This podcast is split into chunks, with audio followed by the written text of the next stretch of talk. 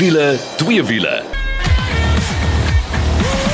Ja, as jy daai klanke hoor, is dit tyd vir wiele, twee wiele en hierdie keer is dit net die twee mans in die ateljee. Hallo Nicole. Yes, Kaal, nou waar is daai roos? Sy is besig om uh om 'n baan te jaag met 'n GR Yaris, 'n Toyota GR Yaris. So sy speel. Iemand moet werk. Iemand moet werk en dit is uh definitief ek en jy en nie sy nie. Maar ons het 'n propvol program. Ons gaan jou 'n bietjie vertel. Ek was by 'n bekendstelling gewees van uh die uh, Polo. Hy het so 'n bietjie van 'n facelift gekry en 'n paar ander veranderinge en dan het ons twee padtoetse. Ja, die eerste padtoets is daai warm Mercedes AMG GLE 63 S4 Matic nogals 'n hele naam, hy het baie krag ook. Ons gaan 'n bietjie rondpraat. En dan kaal het ons bietjie rondgerits met die kleintjie van Peugeot, daai 208 Allure. Dis nou die klein luikrug. Hy het die handrat gehad en ons gaan 'n bietjie oor hom praat. Ja, en in die tweede helfte is dit weer wenk van die week en hierdie keer gaan ons gesels oor 'n uh, ding wat uh, baie mense al in die moeilikheid gekry het, maar uh, jy moet ingeskakel bly daarvoor en dan natuurlik is dit tyd vir motorfiets gesels en dit is die twee wiele gedeelte. Maar Nicole, ons uh, spring sommer weg. Ek was by die Polo bekendstelling gewees al die pad in. Nou moet ek dit reg uitspreek, Kubeka wat nou die die nuwe Port Elizabeth is en spesifiek het hulle vir ons opgetel daarin deurgevat na ehm um, die Kariga fabriek toe wat uh, daar in Uitenhage is om vir die waarheid te sê die name wat nou so verander maak my so die mekaar. Ja, nee, ek ons weet hoe gewild die Polo is. Ek bedoel kyk net op ons paai vir al die generasies deur hoeveel duisende het hulle verkoop en uh, dit voel eers vir my so lank terug was ek met COVID 2 jaar uit my lewe uitge wat dit voel vir my was nou die dag 'n nuwe Polo maar nou ja, hulle het besluit hy moet weer mooier kom en ek het 'n paar fotos gesien Kaal dat julle in die fabriek op die karre gewerk het. Nou ek's bietjie bekommerd. Ek weet nie of ek een van hierdie uh, Paulus wat nou van die lyn af kom wil hê nie. Ja, daarom is so erg. Ek moet net sê ons het daar ingekom ons het elkeen 'n uh, um, oorpak gekry of 'n overall met 'n lekker hoed en uh, toe is ons in die fabriek in waar hulle ons gewys het uh die fabriek natuurlik wat 'n uh, groot gedeelte van die wêreld se uh, Paulus daar vervaardig. En soos jy reg sê, ons het uh, moes eintlik niks vasgedraai het of engines ingesit of so nie. Nikkel dit was maar eintlik net badges wat ons opgesit het spesifiek op die uh, GT GTI model. Ja, so as jy nou 'n GTI nou koop en dit effens 'n skewe badge, gaan praat met uh, Kaal. maar uh, kom ons praat gou, watse veranderinge kan mens nou kry want ek weet 'n facelifts gewoonlik uh, hulle verander bietjie die look en so aan die sierrooster, maar ek hoor daar's baie nuwe tegnologie ook. Kyk, hulle het ons het baie nuwe tegnologie ingesit. Ehm um, ek moet vir jou sê, die eerste keer in die Polo klim het ons in die gewone intree vlak ingeklim. Jy weet met daai 1 liter TSI engine wat hy in het en uh, Nickel wat 'n gebalanseerde kar is dit nie. En daar's 'n rede hoekom hulle so goed verkoop want ehm um, as jy in hom sit, voel dit nie soos 'n goedkoop kar nie. Uh, as jy verstaan wat ek sê. En die ander groot ding wat hulle wel gedoen het wat vir my 'n uh, 'n goeie roep was, is hulle het gegaan en waar die prys gewoonlik 'n bietjie minder was op jou intree vlakke of op al jou vlakke, het hulle gekyk watter ekstras kliënte sal bysit jy weet as standaard. En hulle het gekom besê weet wat van nou af die intree vlakprys gaan jy kyk na so 311 net so rapie rapsie oor die 311 maar dan het hy 'n klomp van daai extras in wat jy anyway sal bysit. So moenie dink die prys nou verskriklik opgegaan nie. Maar ek het 'n ding geleer. Lyk dit my met die mense wat die ontwerping doen is beligting is nou die nuwe krom Be beligting? Ja. Binne of buite? Buite Ja. So as jy gedink het in die ou dae, weet jy altyd gesê ja, die lieflike krom grill en hierdie strippie en goed. Dit doen hulle nou met ligte en daai ligte wat hulle op hierdie kar gesit het is bitter mooi. Kyk as hy aangery kom, dan weet jy sommer hierdie is die nuwe Polo. So jy hoef nie self meer daai LED strips te plak nie, hy kom uit met dit. Nee, hy kom hom uit. En is eintlik 'n klomp klein LED's wat hulle bitter naby aan mekaar gesit het so dit lyk soos een lig. En uh, uh ek moet vir jou sê Nicole, die skree kwaliteit, daai ehm um, GTI soos ons almal weet met daai 147 kW wikkel natuurlik en uh, ek dink die hele pakket wat hulle nou daar bymekaar sit het is uh, sal miskien van die golfmense ook swaai. Ek dink so want ek bedoel as jy kyk nou selfs daai beenspasie agter in die nuwe Polo is amper soos die ou Golf was. So ja, een ding wat ek ook raak gelees het is dat daai jy kry nou selfs tegnologie soos adaptive cruise control, daai wat jy die kar voor jou kan volg. Dit was altyd in die luxe, luxe duur karre, nou kom dit selfs op 'n Polo al uit. Hey, ek het 'n siening daaroor, Nicole. Ek dink dis dalk omdat hulle weet mense, weet wat hulle van praat as die ekonomie bietjie eh, druk. Engels het 'n sê ding waar hulle sê buying down. So hulle gaan al hoe meer tegnologie in hierdie karre inbring en jy is nogal 100% reg. Hierdie kar is aan die binnekant net so groot soos die uh, Golf 4 was. Kan jy glo? Ongelooflik. Maar nou ja, dit is dit vir Paula as jy meer wil weet, gaan loer 'n bietjie op ons Facebook bladsy en uh, kyk hoekom is hierdie kar so gewild. Maar nou Nicole, padtoets van die week. Jy het net gepraat van 'n verskriklike rowwe, kragtige AMG Mercedes. Miskien moet ons hom gou wegspring. Hou jy van hierdie vinnige SUV's? Hierdie goed wat jy so hoog sit, maar kyk, daai goed loop so superkarre. Hou jy daarvan? Ehm um, ek hou daarvan, Nicole. Ek dink is daar's iets spesiaal vir my aan so 'n groot, swaar kar wat so vinnig kan versnel. En nie baie mense verwag dit nie. Kyk, jy kry mos maar altyd hierdie ouetjie by die verkeerslig wat uh, sy karretjie wil opref en as die oom nou in die kar sit, as jou voet neersit dan brul hy so. Dan uh, um, is dit amper vir my soos 'n klein chihuahuaatjie wat probeer weghardloop vir 'n Rottweiler. Ja nee, ek hoor jou kaal. Ek is nie so mal as ek nou hoog wil sit by die familie goed, wil ek nou gemaklik ry. Ek soek nou nie AMG met hierdie tipe van uh amper sê ek linte vir wiele op daai groot rims en harde suspensie en goeters nie, maar kyk, daar's soveel karre in hierdie mark van hierdie amper wil ek sê Uber SUV's. Jy kyk na jou X5 M kar, jy kyk na jou Porsche Cayenne, maar hier praat ons nou van GLE. So dis daai X5 grootte kar, maar dis die GLE 63S en as jy nou praat van krag 400 66 kW, 850 Newtonmeter. Daai reuse blok gaan van 0 tot 100 in 3.8 sekondes. Dis mal man. Klink daai ding so morsig soos hierdie krag nou vir my sê. ek moet vir jou sê, die beste van alles was ons het so eentjie gaan ry met die kar uh um verlede Sondag en uh Janet het die hele tyd gesê, "Wil jy 'n bietjie vinniger ry nie? Wil jy 'n bietjie vinniger ry nie?" So al hou ek van die baie krag nikkel as ek daar saam met jou, dat uh ek hou van rustig ry. Ons het deur Franshoek pas gaan ry en so en Janet het was nogal redelik kwaad vir my amper omdat ek nie bietjie wil voel hoe hy deur die draai gaan. Toe sê ek vir "Maar dis so 'n lekker groot gerieflike kar." Ja, maar ek dink ja, sy was ook bang jy haal nie die huis met die petrol tankie. Maar maar in elk geval, maar wat ek ook wil gesê het is dis ongelooflik hoe hierdie groot SUV's in elk geval om 'n draai kan gaan. Maar onthou maar daai hoë center of gravity en so en dit gaan nooit 'n E63 byvoorbeeld wees nie, maar hy dan nou die familie en so aan wat ek inlaai. Kaal my oë water van hierdie prys. Lees ek reg hierso? Is dit amper 3 miljoen rand? Ja nee, jy's 100% reg en ek dink jy kan dit dalk nog 'n bietjie duurder maak as jy ekstra's bysit. So jy kyk na by die 3 miljoen rand. So ehm um, nie vir almal nie. Jy het net nog gepraat van die die brandstof nikkel. Ek het gister uh was die kar op 87 km voordat hy leeg is en vir 300 Suid-Afrikaanse rand het ek vir myself 60 km gekoop. Ai ai ai ai ai. Nee, kyk jou jou spaarvarkie moet regtig bult as jy na hierdie ene kyk. Maar ek dink as jy soveel geld uitgee op 'n voertuig uh, en jy is bekommer oor brandstofverbruik dan uh, het jy 'n probleem. Ek wil net gou iets sê van Mercedes. Ons weet hulle binnekant daai nuwe raakskerms wat lê, dit lyk soos 'n vliegtyg. Dis regtig ongelooflik, maar as ek net terugkom na daai engine toe, dis daai V8 4 liter wat hulle in so baie van hulle modelle gebruik, daai twin turbo. En ek moet sê wat Mercedes regkry vir my teenoor van die ander modelle, jou BMW X5M byvoorbeeld, is soos daai klank. Dis net daai V8 klank klink amper nog naturally aspirated, dan jy nog so effense turbo spice by hom, maar dis definitief die een wat vir my die mooiste klink van al daai modelle. Ja nee, sonder twyfel. Ek dink dis 'n ding wat ons baie keer mis is uh, met hierdie turbo aangejaagde karre is dat hy verloor so bietjie die siel van die kar. Nou kan jy nou dink as hierdie groot wa uh, so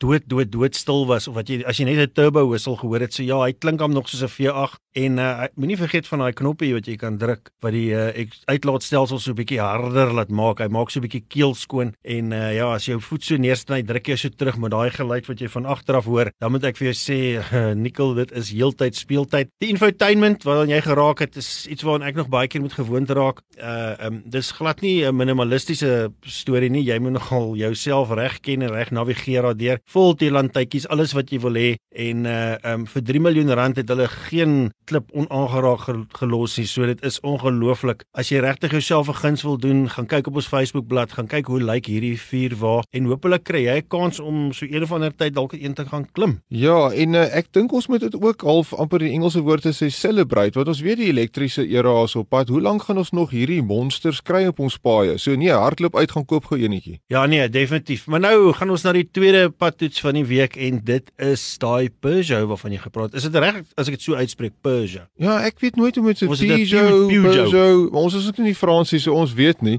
Dan kyk jy na die spesifikasie vlakke, dan moet ons nou weer sê allure? Nee. Ja ja nee, kyk ek is dink dit klink die Frans vir my soos iemand wat net van die tandarts afgekom het uh met hulle uitspraak van baie goed. Maar ja, dis hy 208 en hy het dan 'n lekker engine in daai 3 silinder engine is 'n 1.2 turbo aangejaagde key en um, toe ek in hom inklim, toe dog ek tipies Peugeot mooi afgewerk. Hulle die Franse het nogal daai vleer om 'n kar mooi af te werk binne en buite. En toe ek my voet neersit, was ek nogal aangenaam verras. Ja nee, daai is 'n lekker lewendige 1.2 liter engine alhoewel hy nou net 74 kW en 2 word 2,5 Newton meters het. Jy kry hom in die outomatiese radkas het hy 96 kW, maar selfs met 74, kyk hy's lekker lewendig. Wat ek hou van hierdie 3-silinder is die klank wat hy vir jou gee en dat hy redelik glad is, die manier hoe hy optel. Van hierdie ander 3-silinders van die ander maak of veral vir al jou 1 liter kan baie keer nogals grof wees en turbo lag. Ek het dit glad nie hier gevind nie. Hulle sê natuurlik brandstofverbruik wat jy kan verwag. Kyk, sy klein lykerig. So hulle sê hier by 5.4 liters per 100, maar ek moet sê ek het seker te veel van daai wrinkrag gebruik want myne het hier by tussen 8 en 9 liters per 100. Ek weet nie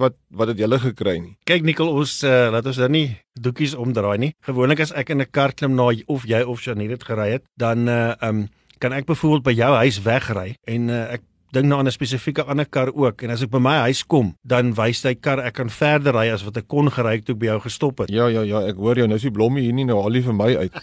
Luister hierso maar, wat ons oor moet praat is hoe hierdie kar lyk. Kyk, dis maar die Polo. Hy, hy sê dis 'n mededinger goed sê ons het net oor die Polo gepraat, maar die Peugeot lyk net nou iets anders van buitekant. Hy is stylvol. Die die Franse het 'n manier van daai flair wat hulle in die kar doen binne en buite. Iets wat my binne geplaat en dis nou al deur al die 208 modelle is die posisie wat jy sit en die stuurwiel. Hulle wil hê jy moet bo oor die stuurwiel kyk na die instrumentasie en dit is ook nou 'n 3D instrumentasie. Ons sal nou 'n bietjie vir Mike Meduli die Engelsman nader trek kan jy hulle verduidelik hoe dit lyk. Maar vir my pla dit want as ek die stuurwiel moet laat sak dan raak hy op my knie, dan kan ek die instrumente kyk of as ek lekker wil bestuur, dan kan ek die instrumente sien. Hoe het jy gevoel, Kalk? Werk hy vir jou? Nee nee, dit werk ook nie regtig vir my nie. Ek is nog al 'n ouer daarvan nou om die stuurwiel heel hoog op te stel en dan deur die stuurwiel te kyk na die instrumentepaneel omdat ons lengte en goed uh, partykeer teen ons stel nikkel. Maar vir die res van dit, jy, jy praat van die stuurwiel vir die res van dit regtig baie goed uitgelê, hoë kwaliteit afwerkings aan die binnekant. Da, vertel ons 'n bietjie van daai 3D instrumentepaneel. Nee, nee, daai ding is ongelooflik. Ek bedoel, dis nou digitaal en hy lyk so half baie futuristies, maar ek dink ons moet gou by Mike gaan hoor wat dink hy ook van die karretjie. Hi, so good to be back with you. Another full program this week. And this week I was tasked with driving the all new Peugeot 208. I can tell you one thing Peugeot's definitely stamped their, their mark back in South Africa with the Lion brand. And the cars that they're bringing out here are just absolutely sublime to look at. You know, 95% of people in this country, when they choose a car, 95% of that is based on what appeals to them visually. And this car is an absolute no exception. It's got sleek curves. It's got such a strong personality. It's from just looking at the car. It's got a nice long bonnet. It's very sporty. It's also bright. It's functional. It's new. It's modern. It just looks different. And it's got such an assertive character. I really enjoyed this car. And then you can choose from two engine modes, a little 55 kilowatt, 1.2 PureTech engine, or a 96 kilowatt. So we drove the three cylinder 96 kilowatt.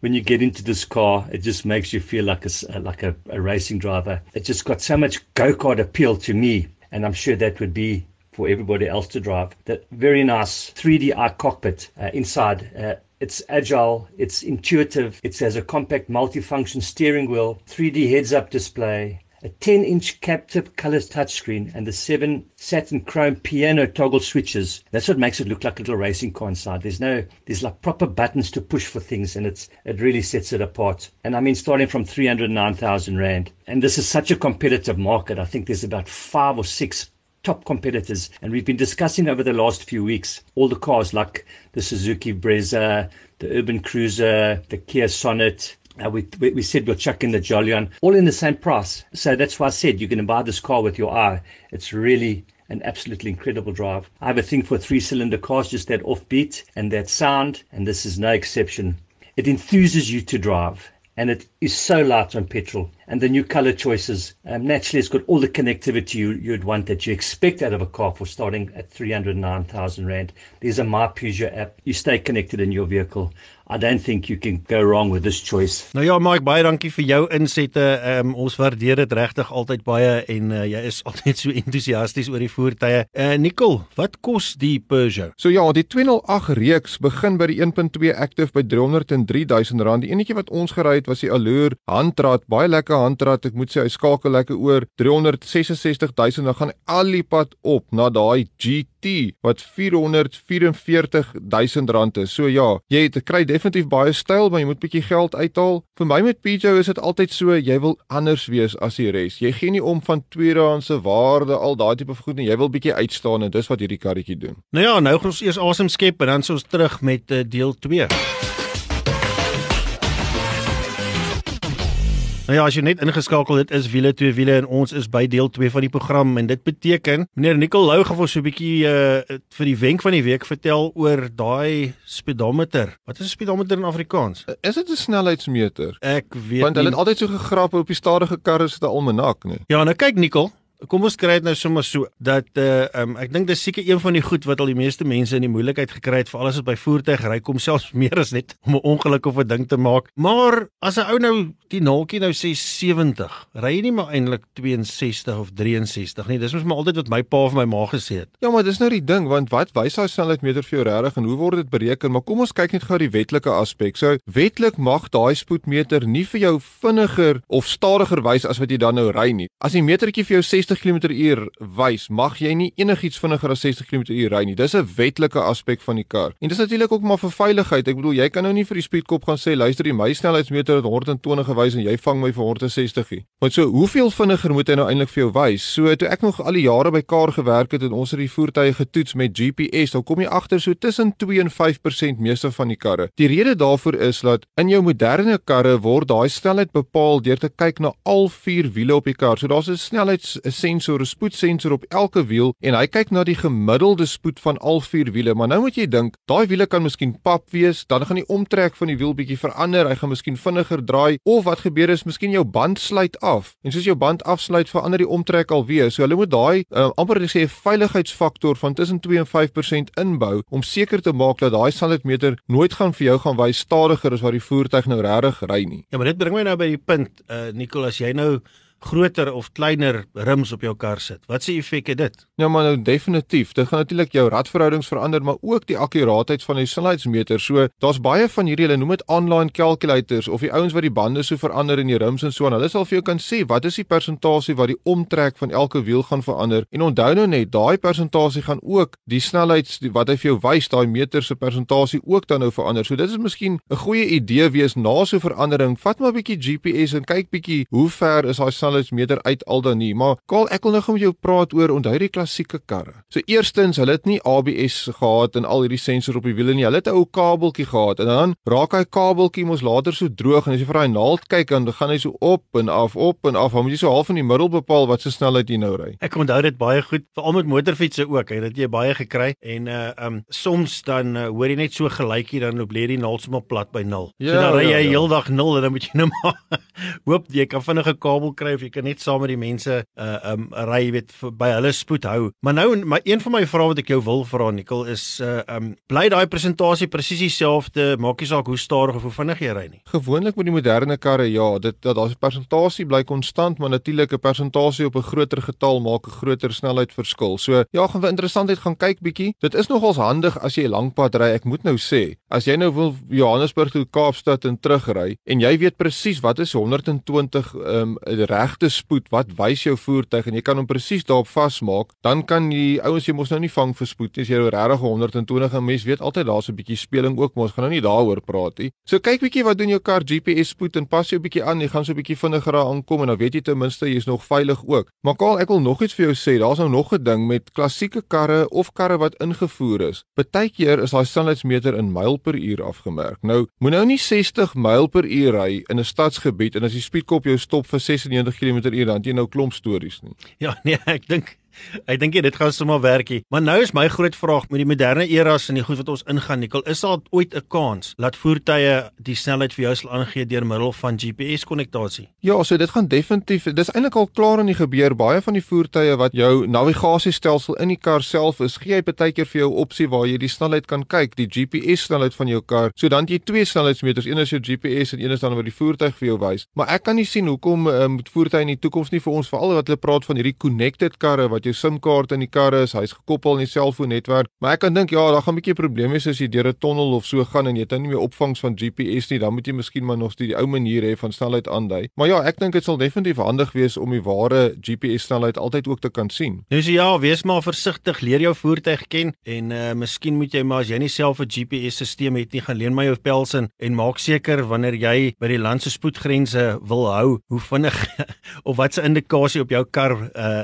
die regte dieselfde een is. Maar Nikkel nou twee wiele. Dit uh, daar's baie nuus. Uh, jy het my so 'n paar goedjies vertel voor ons hier, hier ingestap het en veral 'n naam genoem wat uh, vereenselwig word gewoonlik met uh, karre. Ja, en ons het ook al van daai karre gepraat want die Brabus en Mercedes is mos nou amper saam en ons ken vir Brabus as 'n maatskappy wat Mercedes se vat, warm maak, body kits opsit, groot krag uitsit en kan jy glo Kaal, daar's nou 'n Brabus motorfiets. Maar nou verduidelik my so 'n bietjie, ek bedoel hulle is klaar so vinnig. Wat het hierdie perde met daai fiets aangevang? En ja, wat se fiets is dit? Ja, ja, so eerstens het hulle 'n KTM, ons almal ken die 1290 Super Duke. Dis daai mal hooligan naked motorfiets V-twin. Hulle het hom gevat en hulle het meestal net aan die stelering gaan krap. So gaan Google bietjie gaan kyk na ons webwerf na die Brabus motorfiets en hy lyk ongelooflik. Ek moet sê is regtig waar 'n baie stylvolle manier, baie carbon fiber, nog steeds um, is hy daai naked tipe styl. Maar ek's bietjie teleurgestel dat hulle die krag alles is dieselfde, maar kyk ons weet daai daai 1290 Super Duke is klaar vinnig, maar wat van 'n ou superchargertjie of ou turbokie enkel? Ja, dis mos maar hoe ons hulle ken hè. As 'n uh, Brabus aan 'n fiets gevat het of wel nou aan 'n fiets gevat het, maar aan 'n kar ook, dan uh, gee hulle hom gewoonlik heelwat meer krag. Maar terwyl jy nou gepraat het, sou my volgende vraag gewees het, Nikkel, hoeveel meer krag kan jy nou op die teer sit sonder dat daai voorwiel reg rondom 360 grade gaan. Ja, ja, maar ons weet mos hoe werk party manne, daar's mos nooit genoeg nie.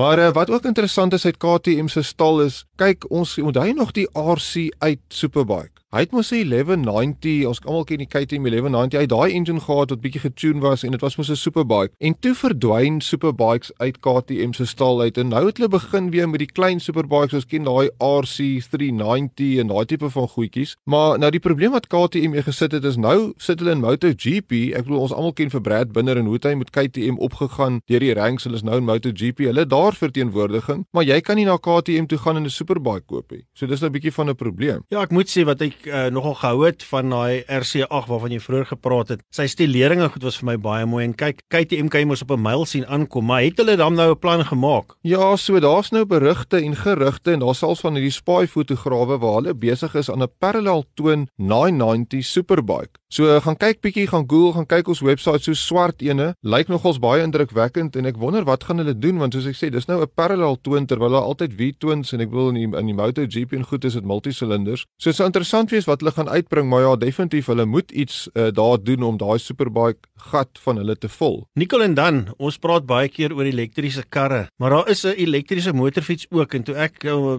kort videoetjie van dit gekyk het, seker al meer as 'n jaar terug, is daai ding bitter vinnig, maar hoe vinnig het ons nie regtig geweet nie, maar uh, daar het nou uh, weer so 'n klip uitgeduik oor hierdie Lightning. Ja, ons het almal gehoor van die Lightning motorfiets en ek dink ek het dieselfde klip as jy nou gekyk. As jy daai klip Google, moet dit nie uh, vir jou kinders of vrou nie want die ou praat 'n bietjie daar lelik as hy as hy die ding oopdraai. Want ons almal weet mos elektriese motors het onmiddellik daai wringkrag is onmiddellik daar. Hy het een rad. Ek bedoel as jy vir hom oopmaak dan is dit sulke tyd. Die Lightning motorfiets het die snelheidsrekord of die spoedrekord vir 'n elektriese produksie motorfiets opgestel op die Bonnievale soutpanne teen 350 km/h, maar dis nou nie vir Lightning vinnig genoeg nie. So ek lees nou dat hulle besig is met nuwe batteryontwikkeling. Hulle is besig om die fiets ligter te maak en hulle mik vir 250 myl/h. Nou as jy gaan dit uitwerk, is dit net so oor die 400 km/h. Nou kyk, as 'n produksie elektriese motorfiets nou by 400 km/h begin uitkom, dan mag ons seker nou nie meer sê elektriese se motorfietsse is stadig en poegies en sulke goed nie, nê. Nee.